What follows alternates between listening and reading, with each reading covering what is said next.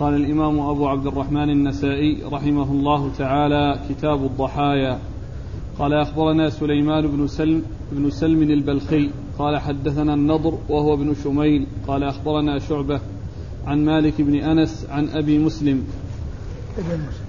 عن ابن مسلم عن سعيد بن المسيب عن أم سلمة رضي الله عنها عن النبي صلى الله عليه وآله وسلم أنه قال: من رأى هلال ذي الحجة فأراد أن يضحي فلا يأخذ من شعره ولا من أظفاره حتى يضحي. بسم الله الرحمن الرحيم، الحمد لله رب العالمين.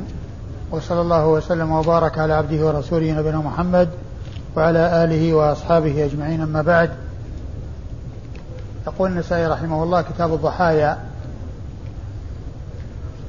الضحايا جمع ضحية. كالهدايا جمع هدية والعطايا جمع عطية. ويأتي أيضا أضحية وأضحية وجمعها أضاحي. ويأتي مفرد أضحات والجمع أضحى كالأرطاه و... كأرطاه وأرطاء. قالوا ومن هذا سمي عيد الأضحى من أجل أنه يأتي في معانيه أضحات مفرد وأضحى جمع أضحات وهي الضحية والنساء ويأتي في آه يعني في آه، آه، التعبير عن ذلك بالأضاحي والضحايا. والنسائي عبر هنا بالضحايا التي مفردها ضحية. والمراد بها النسيكة التي تذبح في يوم عيد الأضحى عيد الأضحى وأيام التشريق من وهي ليست هديا هذه هي الأضاحي أو هذه هي الضحايا. يعني ما يذبح في يوم عيد الأضحى وأيام التشريق تقربا إلى الله عز وجل في ذلك النسك وهو ليس هديا لأن الهدي غير الأضحية. وإن كان يعني مؤداهما واحد ومع يعني و يعني موضوعهما واحد من حيث أن الذي يجزئ في هذا يجزي في هذا إلا أن الهدي متعلق بالحج وأيضا يعني يذبح في مكة وأما الأضاحي فإنها تذبح في كل مكان. ولا علاقة لها بالحج ولا علاقة لها بالحج. وقد اختلف العلماء في حكمها فذهب جمهورهم على استحبابها وأنها مستحبة. وبعض العلماء قال بالوجوب. والذي يظهر أنها من السنن المؤكدة التي لا ينبغي لإنسان موسر أن يتهاون في شأنها وأن آه وألا يفعلها بل عليه أن يحرص إلى التقرب إلى الله عز وجل بهذه الأضاحي في وقتها لما فيها من الأجر ولما فيها من الثواب ولما فيها من الإحسان للفقراء والمساكين. مع كل إنسان يأكل ويهدي ويتصدق. وقد أورد النسائي حديث أم سلمة أم المؤمنين رضي الله تعالى عنها وأرضاها أن من دخل عليه عشر ذي الحجة من رأى هلال ذي الحجة وأراد وأراد أن يضحي لفظه. فأراد أن يضحي. فأراد أن يضحي فلا يأخذ من شعره ولا من أظفاره حتى يضحي. الحديث يدل على أن من أراد أن يضحي فإنه إذا دخل عشر ذي الحجة فإنه لا يأخذ شيئا من شعره ولا من أظفاره بل يتركها حتى يضحي وعند ذلك يأخذ. وهذا من دخول عشر ذي الحجة. وقوله من رأى ليس المقصود به أن الإنسان يرى الهلال بل المقصود من ذلك دخول الشهر. وسواء رآه أو لم يره. سواء رآه أو لم يره.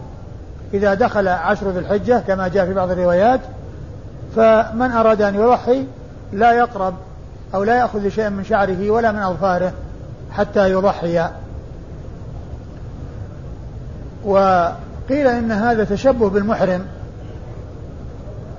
والرسول صلى الله عليه وسلم جاء عنه هذه السنة والمسلم عليه أن يأخذ بها وأن يمتثل ما جاء عن رسول الله صلى الله عليه وسلم في ذلك.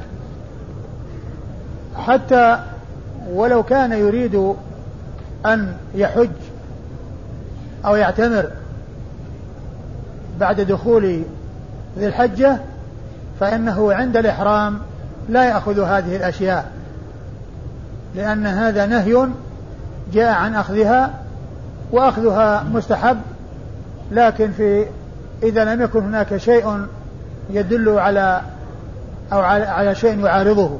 وقد جاء هذا الحديث الذي يدل على أن الإنسان لا يأخذ شيئا بعد دخول عشر ذي الحجة. أما النسك الذي هو التقصير بالنسبة للمعتمر فإنه يقصر لأن هذا نسك وواجب من واجبات العمرة ولا بد من من الاتيان به ولو كان يريد أن يضحي ولو كان يريد أن يضحي. أما الذي يكون قبل الإحرام وبعد دخول عشر ذي الحجة فإن هذا يعني شيء مستحب وليس أمرا لازما. والاستعداد للإحرام بأخذ هذه الأشياء مطلوب لكن من يريد أن يحرم من يريد أن يضحي فإنه ليس لا, لا, لا, لا فإنه لا يقدم على شيء من ذلك وإنما يتركها.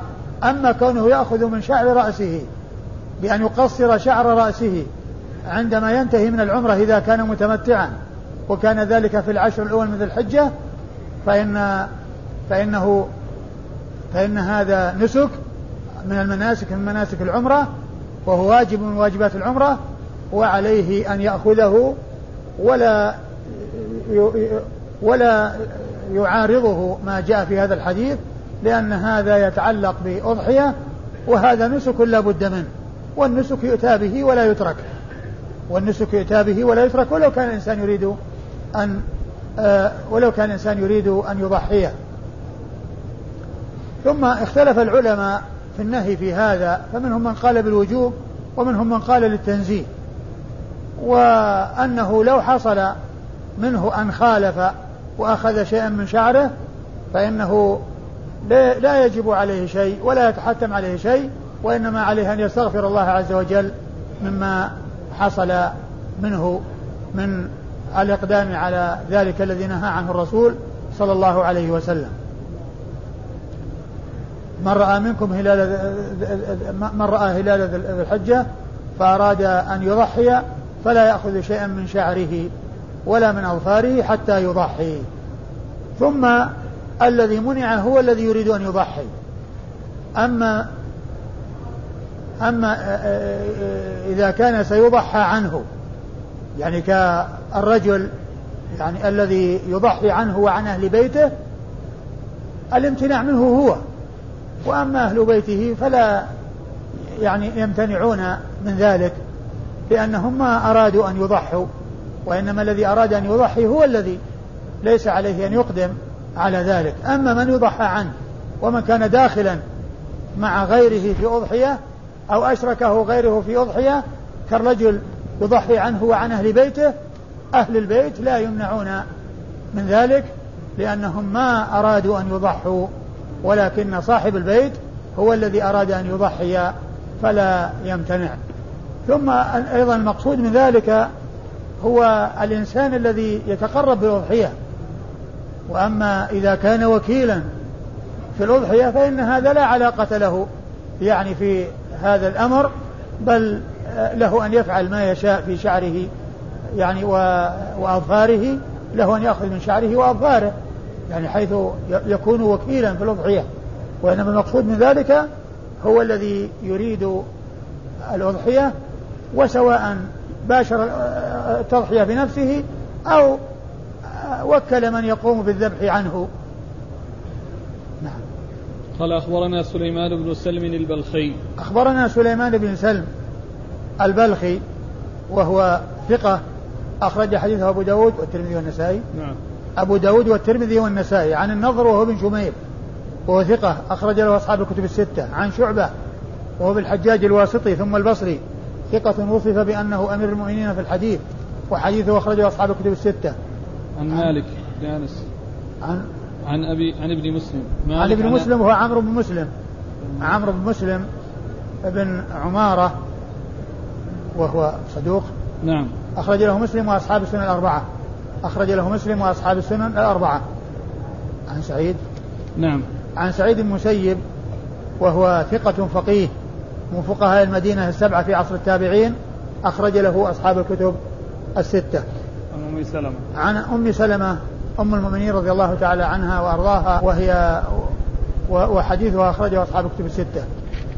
قال أخبرنا محمد بن عبد الله بن عبد الحكم عن شعيب قال أخبرنا الليث قال حدثنا خالد بن يزيد عن ابن أبي هلال عن عمرو بن مسلم أنه قال أخبرني ابن, ابن المسيب أن أم سلمة رضي الله عنها زوج النبي صلى الله عليه وآله وسلم أخبرته أن رسول الله صلى الله عليه وآله وسلم قال من أراد أن يضحي فلا يقلم من أظفاره ولا يحلق شيئا من شعره في عشر الأول في عشر الأول من ذي الحجة.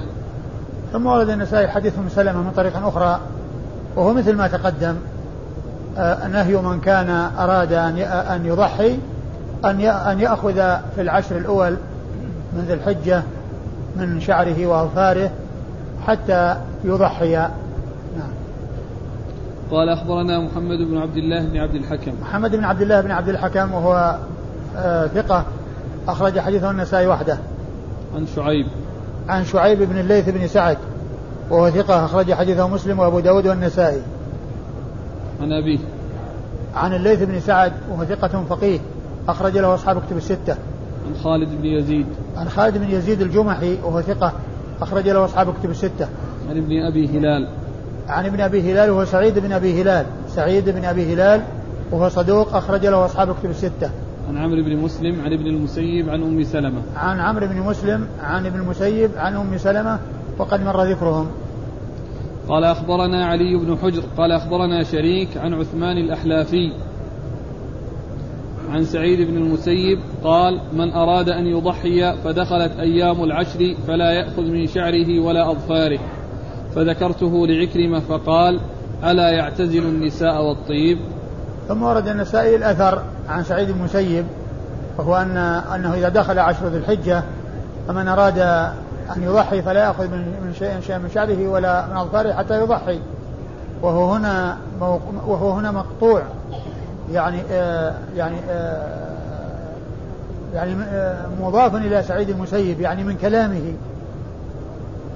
وقد مر في الطريقين السابقتين مرفوعا عن عن عن سعيد عن أم سلمة عن رسول الله صلى الله عليه وسلم. وقد اسم الأحلاف سعيد؟ عثمان. عثمان. قد ذكر عثمان الاحلافي ذلك لعكرمة فقال ألا يعتزل النساء والطيب؟ يعني معناه أنه فهم أن هذا رأي لابن المسيب ولم يبلغه الحديث عن رسول الله صلى الله عليه وسلم. ولهذا قال يعني إذا كان الأمر كذلك ألا إذا ألا يعتزل النساء والطيب أيضا؟ يعني معناه أنه يكون كالمحرم. المحرم لا يأخذ من شعره ولا من أظفاره ولا يأخذ من ولا يتطيب ويعتزل النساء. فقال ألا يعتزل النساء والطيب؟ إذا يعني فكأنه أنكر ذلك وكأنه رأي رآه أو رأى أنه رأي رآه سعيد ولم يبلغه الحديث عن رسول الله صلى الله عليه وسلم. وإلا فإنه إذا بلغ الحديث عن رسول الله عليه الصلاة والسلام فليس هناك إلا الاستسلام والانقياد لما جاء عن رسول الكريم صلوات الله وسلامه وبركاته عليه. نعم والإسناد؟ قال أخبرنا علي بن حجر. أخبرنا علي بن حجر ابن إياس السعدي المروزي ثقة أخرجه البخاري ومسلم والترمذي والنسائي. عن شريك. عن شريك بن عبد الله القاضي النخعي الكوفي ثقة صدوق يخطئ كثيرا وحديثه أخرجه البخاري تعليقا ومسلم وأصحاب السنة الأربعة. عن عثمان الأحلافي. عن عثمان بن عثمان بن حكيم. عثمان بن محمد. عثمان الأحلافي. عثمان بن محمد الأخنسي. الأحلافي. نعم. عثمان بن محمد.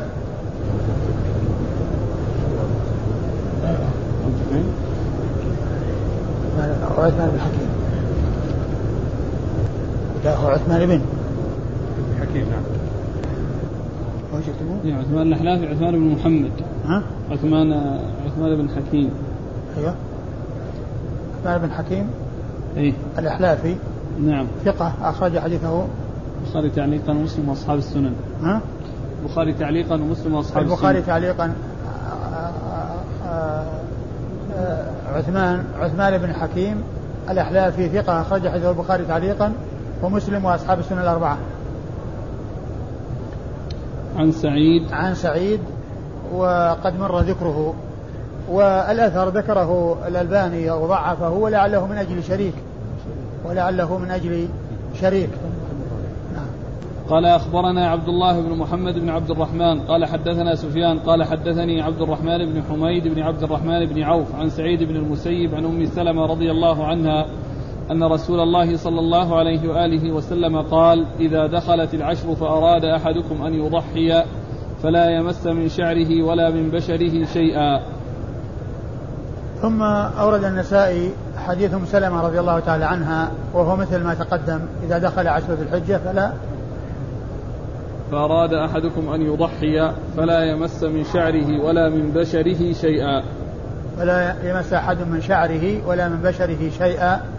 يعني أنه لا يأخذ من آه، من شعره ولا من أظفاره لأن البشرة يعني الذي عليها الشعر والأظفار. وقد ذكر الشعر فبقي الأظفار. نعم.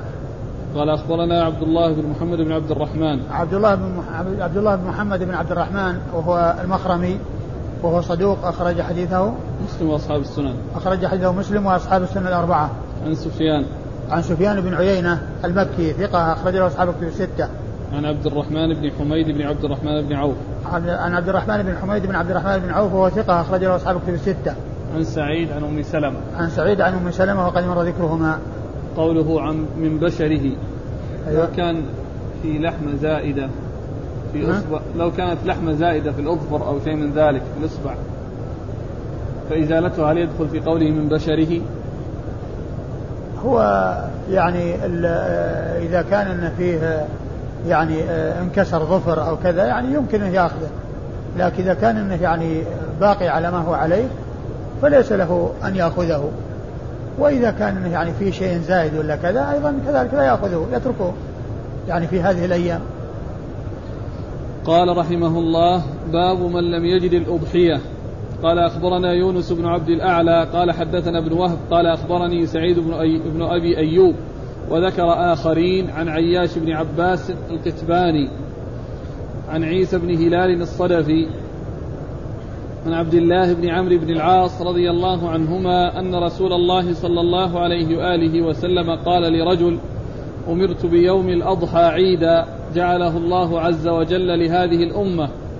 فقال الرجل أرأيت إن لم أجد إلا منيحة أنثى أفأضحي بها؟ قال لا ولكن تأخذ من شعرك وتقلم, وتقلم أظفارك وتقص شارب شاربك وتحلق عانتك فذلك تمام أضحيتك فذلك تمام أضحيتك عند الله عز وجل.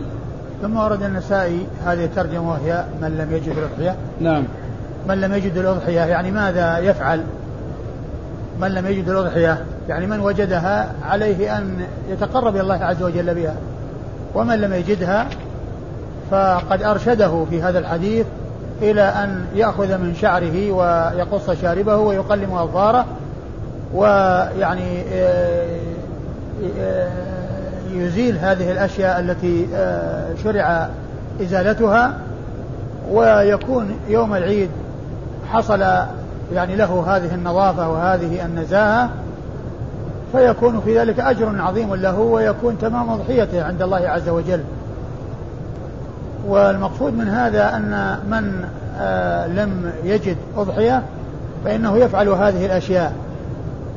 إلا أن إلا أن هذا الحديث ذكره الألباني وضعفه والسبب في ذلك أحد رواته الذي لم يوثقه إلا ابن حبان وهو الراوي عن عبد الله بن عن عبد الله بن عمرو وهو عيسى نعم. عيسى بن هلال. نعم. عيسى بن هلال الصدفي؟ نعم. عيسى بن هلال الصدفي لم يوثقه إلا ابن حبان. فضعف الحديث من أجله مع أن الحافظ في التقريب قال إنه صدوق. ويعني كون الحافظ بن حجر يقول عن صدوق وهو لم يوثقه إلا ابن حبان لا شك أن هذا تساهل. والإسناد؟ المتن؟ المتن الأول أن رسول الله صلى الله عليه وآله وسلم قال لرجل أمرت بيوم الأضحى عيدا جعله الله عز وجل لهذه الأمة. أمرت بيوم الأضحى بيوم الأضحى عيدا جعله الله لهذه الأمة. يعني وأنه يضحى فيه لأنه يوم الأضحى. قال أرأيت إن لم أجد إلا منيحة. والمنيحة هي الشاة أو العنز ذات اللبن أو الناقة. تعطى لمن يستفيد من من حليبها ثم يردها. ثم أطلقت المنيحة على كل شاة. يعني أنها لم تكن مقصورة على التي تمنح. لأنها إذا كانت منيحة منحت له معناه ملك للغير. ولكنها إذا كانت له وهو يستفيد من حليبها ومن لبنها فهو محتاج إليها. وهي قد تكون قوتا له. فلم يأمر الرسول صلى الله عليه وسلم بأن يذبحها وإنما أرشده إلى أن يأتي بهذه الأمور. والحديث يعني كما عرفنا في إسناده رجل لم يوثقه إلا ابن حبان ومن المعلوم أن ابن حبان معروف بالتساهل وإذا كان لم يحصل توثيقه إلا منه ففيه نظر لا سيما وابن حبان قد يذكر بعض الثقات في كتاب الثقات ويذكره أيضا في كتاب الضعفاء. وهو, وهو, وهو نفس الشخص. ذكر في الثقات وذكر في الضعفاء. فانفراده في التوثيق يعني دون أن يعضده شيء ودون أن يشاركه أحد يعني في التوثيق يعني كونه متساهلا يعني يجعل الأمر أو يجعل الإنسان لا يعول على ما ينفرد به من التوثيق. قال أفأضحي بها؟ قال لا ولكن تأخذ من شعرك وتقلم أظفارك وتقص شاربك وتحلق عانتك فذلك تمام أضحيتك عند الله عز وجل. قال أخبرنا يونس بن عبد الأعلى. يونس بن عبد الأعلى الصدفي وهو صدوق. ثقة. وهو ثقة أخرج حديث مسلم وأبو داود مسلم والنسائي وابن ماجه مسلم والنسائي وابن ماجه عن ابن وهب عن ابن وهب عبد الله بن وهب المصري ثقة فقيه أخرج له أصحاب كتب الستة. عن سعيد بن أبي أيوب. عن سعيد بن أبي أيوب وهو ثقة أخرج له أصحاب كتب الستة. وذكر آخرين عن عياش بن عباس القتباني. عن عياش بن عباس القتباني وهو ثقة أخرج له البخاري في جزء القراءة ومسلم وأصحاب السنن. وهو ثقة أخرج حديث البخاري في جزء القراءة ومسلم وأصحاب السنن الأربعة. عن عيسى بن هلال الصدفي. عن عيسى بن هلال الصدفي قال عنه الحافظ في التقرير صدوق ولم يوثقه إلا ابن حبان وحديث أخرجه البخاري في الأدب المفرد والترمذي والنسائي وابن ماجه. البخاري في الأدب المفرد وأبو داود والترمذي والنسائي. البخاري في الأدب المفرد وأبو داود والترمذي والنسائي. عن عبد الله بن عمرو بن العاص. عن عبد الله بن عمرو بن العاص رضي الله تعالى عنهما صحابي ابن صحابي وهو أحد العباد الأربعة من أصحاب رسول الله صلى الله عليه وسلم وهم عبد الله بن عمرو وعبد الله بن عمر وعبد الله بن عباس وعبد الله بن الزبير وحديثه أخرجه أصحاب كتب الستة. قال رحمه الله تعالى ذبح الإمام أضحيته بالمصلى قال أخبرنا محمد بن عبد الله بن عبد الحكم عن شعيب عن الليث عن كثير بن فرقد عن نافع أن عبد الله رضي الله عنه أخبره أن رسول الله صلى الله عليه وآله وسلم كان يذبح أو ينحر بالمصلى ثم ورد النسائي ذبح الإمام بالمصلى.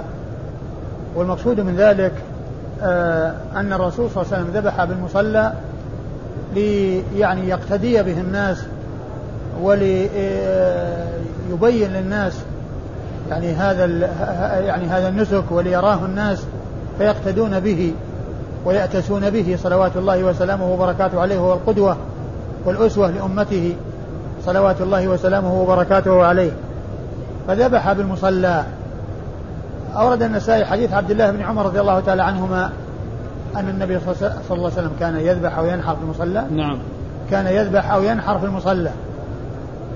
كلمة يذبح أو ينحر يحتمل أن تكون للتنويع. يعني أنه يذبح أو ينحر يعني يوجد منه الذبح أو النحر. ويحتمل أن تكون يعني للشك يعني هذا أو هذا. والذبح هو يعني ما يكون في الحلق وفصل الرأس من الرقبة ويكون للغنم والبقر بأن يكون الذبح في حلقها بأن يفصل الرأس من الرقبة. وأما الإبل فإنها تنحر في لبتها وهي أصل العنق. الذي هو يعني بين العنق واليدين. هذا هو المكان الذي تنحر فيه أو الموضع الذي تنحر منه الإبل. فالذبح يكون في الحلق للبقر والغنم والنحر يكون في اللبة التي بين أصل العنق واليدين. ولكن يجوز عند عند أهل العلم أن ينحر ما يذبح ويذبح ما ينحر.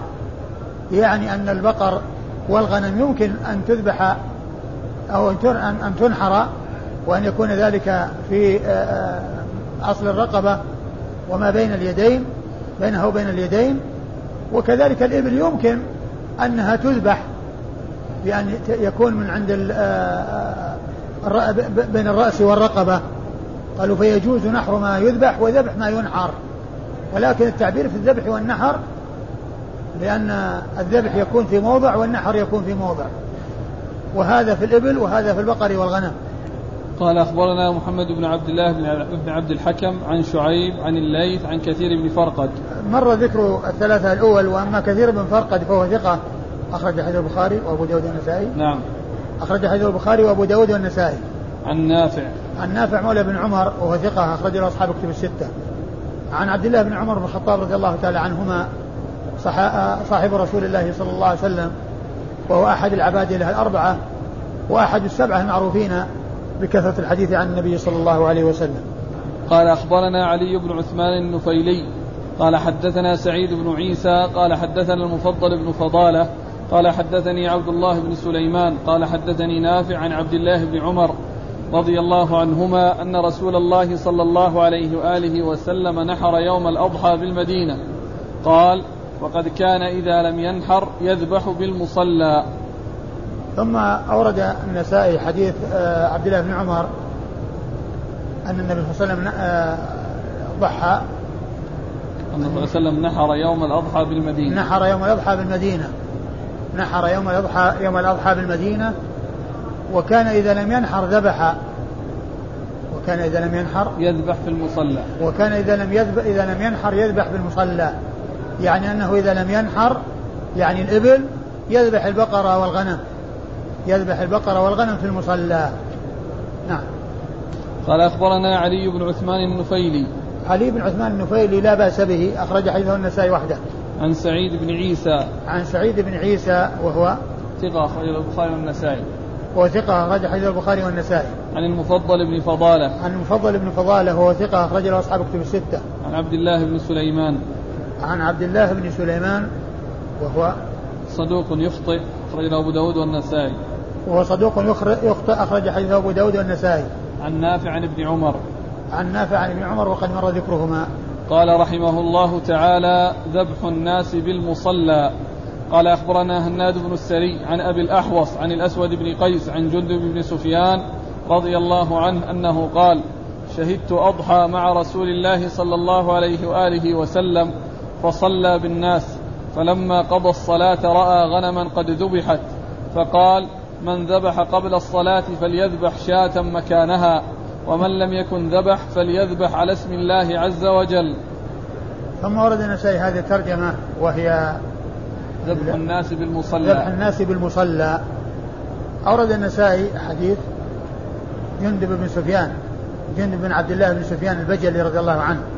أن النبي صلى الله عليه وسلم صلى بالناس الأضحى فلما انصرف وجد وجد رأى غنما قد ذبحت. رأى غنما قد ذبحت وهذا محل الشاهد. رأى غنما قد ذبحت وهذا محمول على أنه رأى في المصلى. والأمر ليس بواضح لأنه يمكن أن يكون بعد ما صلى ولما قضى الصلاة رآها. يمكن رآها في الطريق يمكن رآها في مكان آخر. يعني ليس يلزم أن يكون في المصلى. لأنه لا يدل بوضوح والنسائي استنتج منه وفهم منه أنه بالمصلى لأنه لما قضى الصلاة رأى غنما. لكن هذا لا يلزم كما هو واضح أن يكونه لما قضى مباشرة لما سلم رأى رآها في المصلى. وإنما لما قضى يعني رأى. فيمكن أن يكون في الحال ويمكن أن يكون بعد ذلك. ويمكن أن يكون بعد ذلك. ثم قال من, ذبح قبل الصلاة فليذبح شاة مكانها. قال من ذبح قبل الصلاة فليذبح شاة مكانها ومن لم يذبح فليذبح على اسم الله عز وجل. هذا فيه دليل على أن الذبح ذبح الأضاحي إنما يكون بعد صلاة العيد ولا يجوز أن يكون قبل الصلاة. وأنه إذا حصلت الأضحية قبل الصلاة فهي لا تعتبر أضحية بل تعتبر شاة لحم كما جاء ذلك في الأحاديث عن رسول الله صلى الله عليه وسلم. فهذا فيه دليل على أن وقت الذبح يكون بعد الصلاة. ولهذا جاءت السنة عن رسول الله صلى الله عليه وسلم أن عيد الأضحى تؤخر بعد دخول وقتها يبادر بها بعد دخول الوقت. وصلاة عيد الفطر تؤخر بعد دخول الوقت.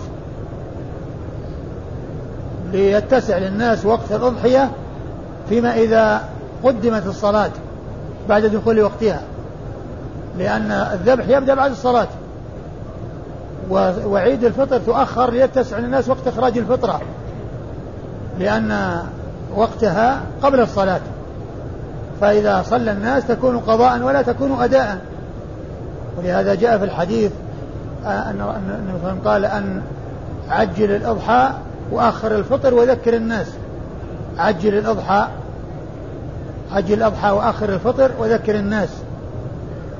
الحكمة في ذلك أن وقت الذبح يبدأ بعد الصلاة فشرع المبادرة بعد دخول الوقت إليها. بخلاف الفطر لأن زكاة الفطر تؤدى قبل الصلاة. فإذا أخرت يعني بعض الشيء بعد دخول وقتها كان في ذلك متسع ومجال لإخراج زكاة الفطر. ولهذا قال فليذبح مكانها أخرى يعني معناه أنها ما تجزئه ولا تكفيه لأنها وقعت في غير وقتها. فلا تعتبر أضحية وإنما تعتبر ذبيحة يستفاد من لحمها كالذبائح التي تذبح في, في, في أيام السنة كلها في محرم وصفر وربيع وجماد وجماد الذي يكون قبل الصلاة مثل هذا الذي يذبح في الأوقات الأخرى. نعم. قال أخبرنا هناد بن السري. هناد بن السري الكوفي ثقة أخرج حديث البخاري في خلق أفعال العباد ومسلم وأصحاب السنة الأربعة. عن أبي الأحوص. عن أبي الأحوص سلام بن سليم الحنفي ثقة أخرجه أصحاب كتب الستة. عن الأسود بن قيس. عن الأسود بن قيس وهو ثقة أخرجه أصحاب كتب الستة. عن جندب بن سفيان. عن جندب بن سفيان جندب بن عبد الله بن سفيان البجلي ينسب إلى جده وهو جندب بن عبد الله بن سفيان البجلي صاحب رسول الله صلى الله عليه وسلم وحديثه أخرجه أصحاب كتب الستة. قال رحمه الله تعالى ما نهي عنه من الأضاحي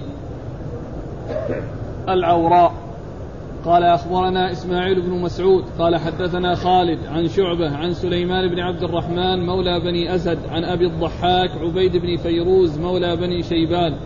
قال قال قال قلت للبراء رضي الله عنه حدثني عما نهى عنه رسول الله صلى الله عليه وآله وسلم من الأضاحي.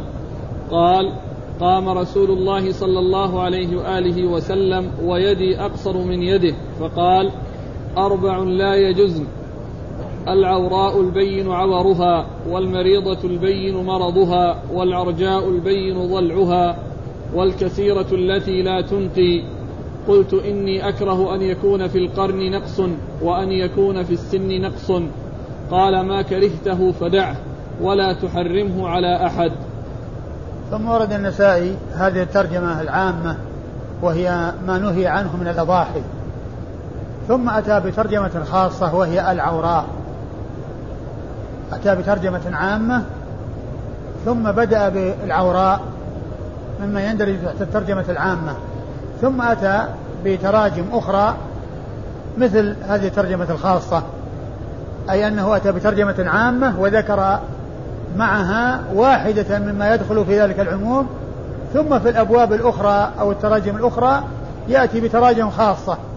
كهذه الترجمة التي هي خاصة بعد ذكر الترجمة العامة أي أن هناك يعني آآ آآ يعني آآ أضاحي أو أن هناك بهائم أو دواب يعني جاءت السنة في أنها لا تجزي في الأضحية وأنه لا يضحى بها وأنه لا يضحى بها وأن الإنسان يختار الذي هو سليم من العيوب التي جاءت في السنة عن رسول الله صلى الله عليه وسلم. العيوب التي جاء ذكرها في سنة الرسول صلى الله عليه وسلم يتجنبها الإنسان عندما يريد أن يضحي ويأتي بشيء سليم وخالص من هذه العيوب.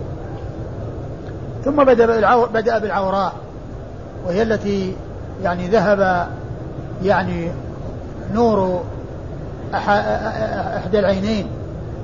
وذلك لأن العوراء أولا هو نقص في فيها ثم أيضا يعني هذا النقص يترتب عليه يعني عدم يعني استفادتها من المراعي كاستفادة من تكون سليمة العينين من تكون سليمة العينين فهو نقص فيها من جهة وأيضا يترتب على هذا النقص يعني آه نقص عن مثيلاتها في آه التمكن من الانتفاع في المراعي كما تتمكن التي هي التي هي سليمة العينين. وأورد النسائي حديث آه البراء بن عازب رضي الله عنه وقد سأله عبيد بن فيروز عن ما نهى عنه الرسول صلى الله عليه وسلم من الأضاحي فرفع يده وأصابعه أي البراء بن عازب وقال أن الرسول أن الرسول صلى الله عليه وسلم نهى عن أربع وقال أربع وأشار بيده. قال ويدي أقصر من يد رسول الله صلى الله عليه وسلم. يعني هو يشير بيده كما كان النبي صلى الله عليه وسلم يشير بيده. ويذكر أربع ثم يعدها ويقول يدي أقصر من, من يد رسول الله صلى الله عليه وسلم ولكنني أفعل كما فعل بالإشارة وأشير كما أشار رسول الله صلى الله عليه وسلم.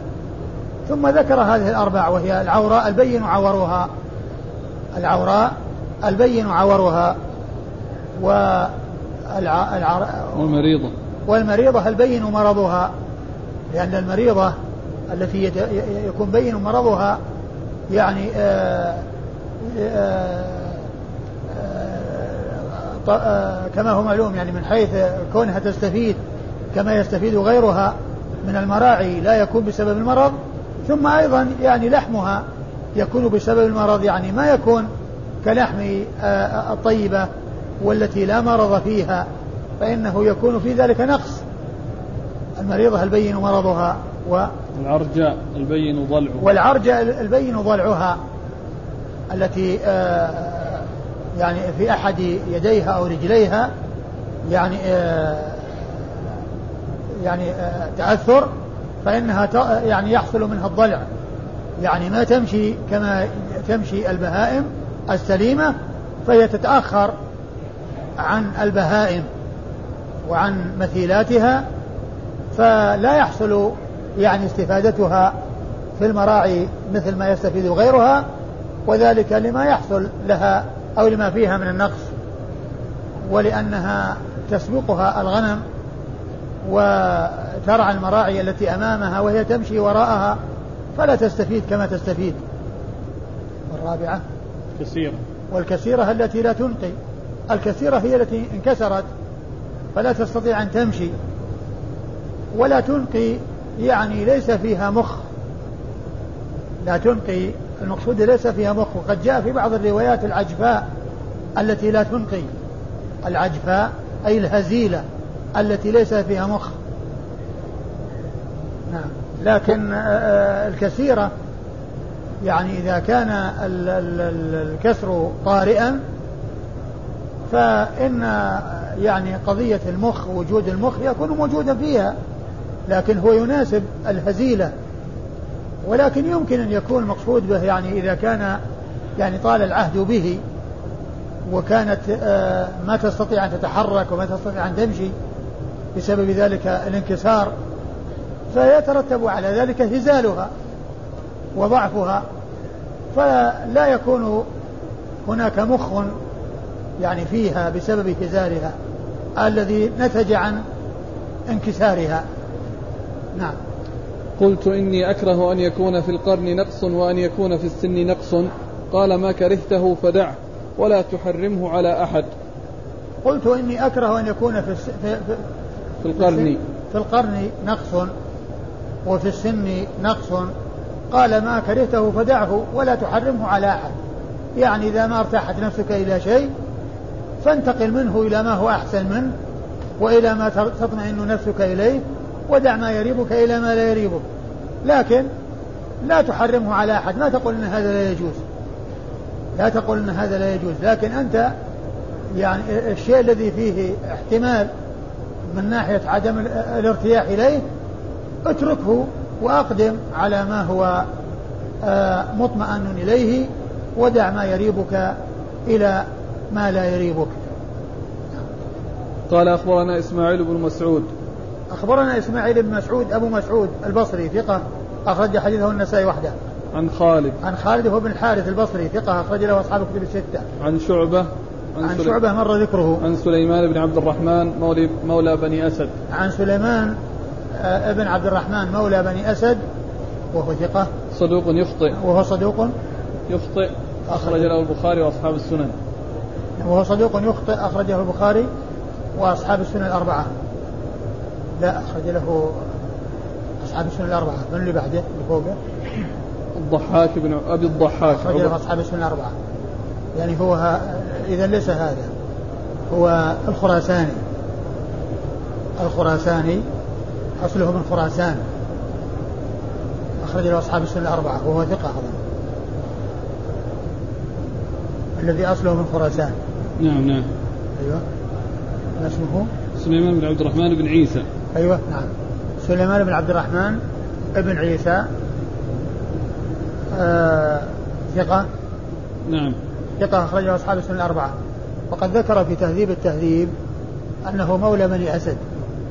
ذكر في تهذيب التهذيب أنه مولى بني أسد وهنا ما في ذكر يعني آه، كونه مولى بني فلان التقريب ولكن ذكر في تهذيب التهذيب أنه مولى بني أسد وهو ثقة أخرجه أصحاب السنة الأربعة.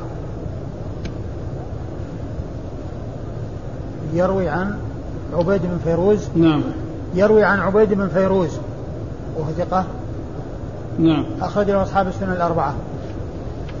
عن البراء.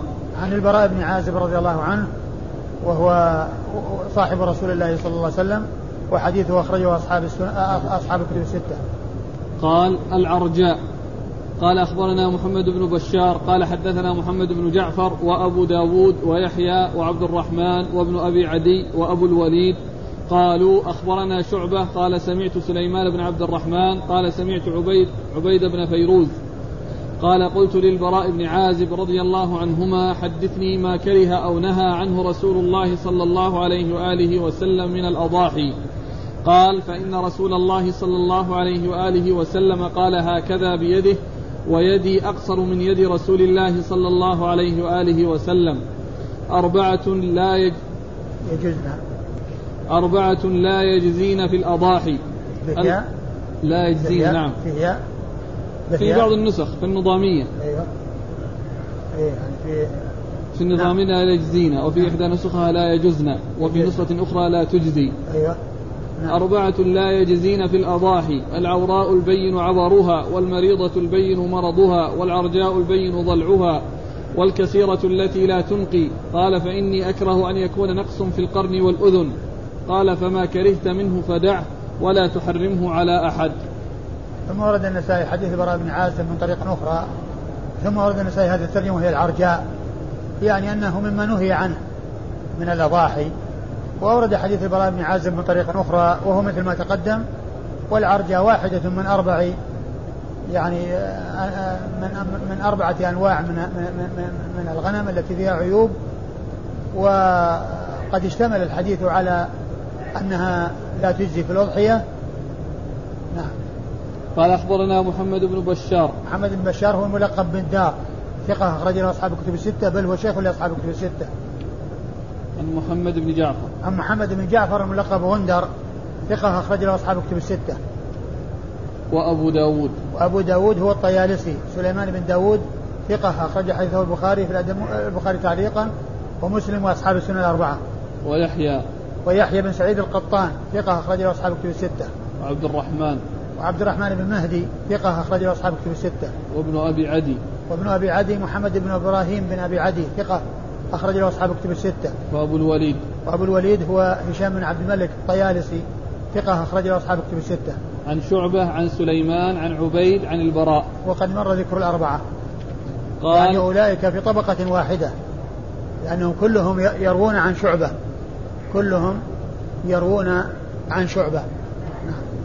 قال العجفاء قال أخبرنا سليمان بن داود عن ابن وهب قال أخبرني عمرو بن الحارث والليث بن سعد وذكر آخر وقدمه أن سليمان بن عبد الرحمن حدثهم عن عبيد بن فيروز عن البراء بن عازب رضي الله عنهما أنه قال سمعت رسول الله صلى الله عليه وآله وسلم وأشار بأصابعه وأصابعي أقصر من أصابع رسول الله صلى الله عليه وآله وسلم يشير. يشير بأصبع... بأصبعه يقول لا يجوز من الضحايا العوراء البين عورها والعرجاء البين عرجها والمريضة البين مرضها والعجفاء التي لا تنقي. ثم ورد النسائي حديث البراء من ثم ورد النسائي هذه الترجمة وهي العجفاء. العجفاء يعني أنها من من مما نهي عنه من الأضاحي. والعجفاء هي الهزيلة التي فيها هزال وضعف. شديد. وقد جاء وقد ذكر النسائي حديث البراء بن عازب وفيه ذكر العجفاء بدل الكثيرة. وقال التي لا تنقي يعني لا مخ فيها بسبب هزالها وضعفها ويمكن أن يوفق بين ما جاء في هذه الرواية وما تقدم في ذكر الكثيرة أن الكسر أقعدها ومنعها من الحركة حتى أصابها الهزال التي جعلها لا تنقي التي جعلها لا تنقي. نعم. قال أخبرنا سليمان بن داود. سليمان بن داود هو أبو الربيع المصري آه ثقة أخرج حديثه أبو داود والنسائي. عن ابن وهب عن عمرو بن الحارث. عن ابن وهب مر ذكره عمرو بن الحارث أيضا المصري ثقة أخرجه أصحاب الكتب الستة. والليث بن سعد وذكر آخر وقدمه. عن سليمان بن عبد الرحمن عن عبيد بن فيروز عن البراء. والليث بن سعد آه آه المصري ثقة فقيه أخرجه أصحاب الكتب الستة. قال وذكر آخر وقدمه يعني جعله قبل يعني آه يعني هؤلاء. أيوه. عن سليمان عن عبيد عن البراء. عن سليمان عن عبيد عن البراء. وقد مر ذكرهم. والله تعالى أعلم وصلى الله وسلم وبارك على عبده ورسوله نبينا محمد وعلى آله وأصحابه أجمعين.